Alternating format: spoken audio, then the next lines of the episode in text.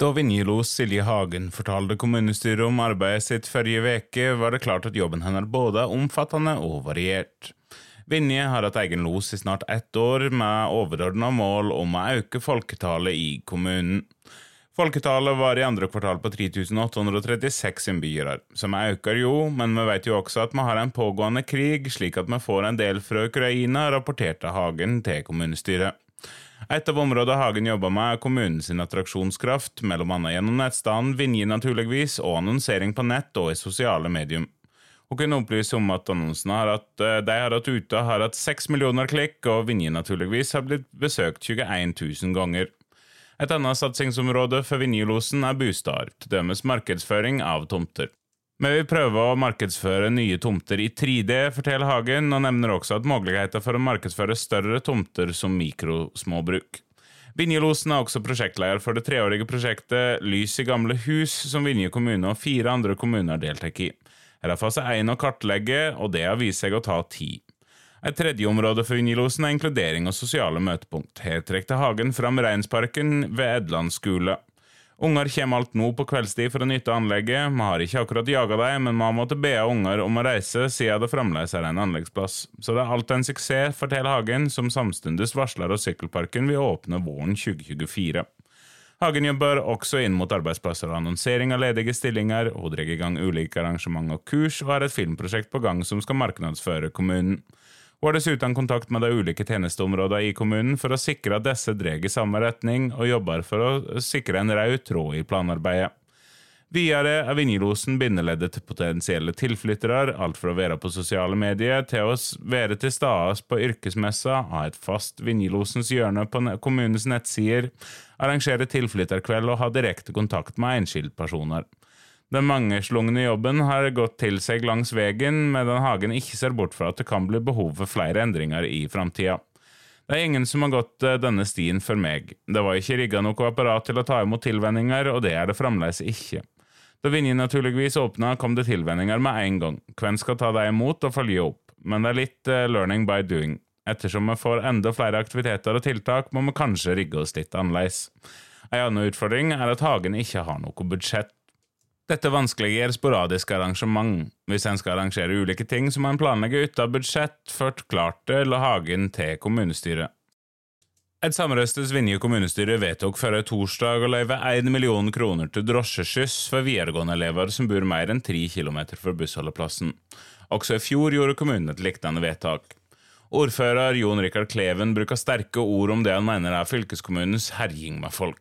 Da synes jeg det er bedre at vi løser dem for familiene, og så får vi ta kampen mot fylkeskommunen i stedet for at de familiene må ta den kampen. Han refererte til utspill fra fylkeskommunen der de skal ha spurt om han ikke har en ekstra traktor på gården som guttungen kan kjøre ned til E134, eller ber om legeerklæring på at eleven ikke kan bo på hybel.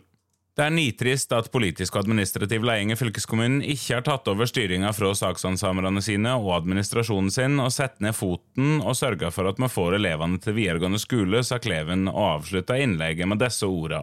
Jeg synes fylkeskommunen bare kan skamme seg.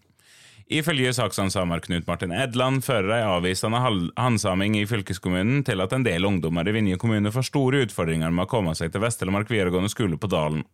Videre står det at kommunen har hatt kontakt med fylkeskommunen, som syner til sine retningslinjer og regelverk og tilrår ungdommen å flytte på hybel.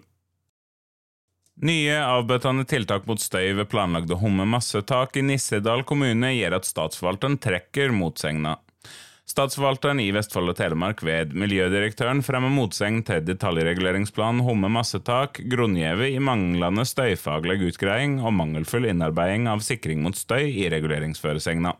Statsforvalteren presiserer at rolla til miljøavdelinga i plansaker er å ivareta nasjonale interesser knyttet mellom bl.a. støy.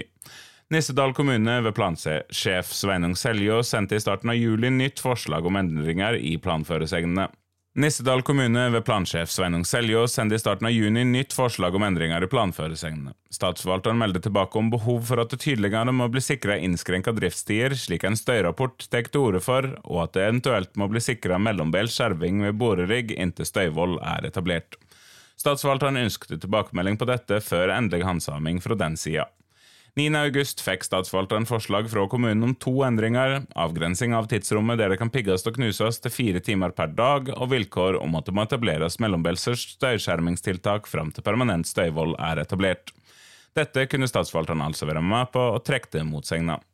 Det nye kommunestyret i Nissedal får saka på sitt bord i løpet av høsten. Det avtroppende ordfører Halvor Homme som er grunneier og ønsker å etablere massetaket. Vinje forsvarsmuseum søker Tokke kommune om et tilskudd på 50 000 kroner for å formidle krigshistorie fra gamle Lårdal og Mo kommuner. Saka skal opp til politisk handsaming torsdag 21.9. Tilrådinga fra kommunedirektøren i Tokke til politikerne er at de avslår søknaden. Forsvarsmuseet i Vinje var bygd i 1995, er eid av Vinje kommune og drifta av Venelaget for Vinje forsvarsmuseum. I dag er museet åpent tre dager i veka i juli og halve august, og tar annet besøk av skoleelever fra Tokke. Målet til Forsvarsmuseet er å formidle den lokale krigshistoria. Også i fjor søkte de om støtte fra Tokke kommune, og fikk da 30 000 kroner. I juni vedtok politikerne i Vinje å oppgradere museet for om lag 5 millioner kroner, med mulig finansiering inntil 10 millioner om Forsvarsmuseet ikke får tilstrekkelig med ekstern finansiering til oppgradering. I saka kommer det da også fram at de etter opprustinga bør vurdere å endre driftsform. Administrasjonen i Tokke mener de bør vente med eventuelt støtte museet til opprustinga er gjennomført og ny driftsform er vurdert og bestemt av Vinje kommune.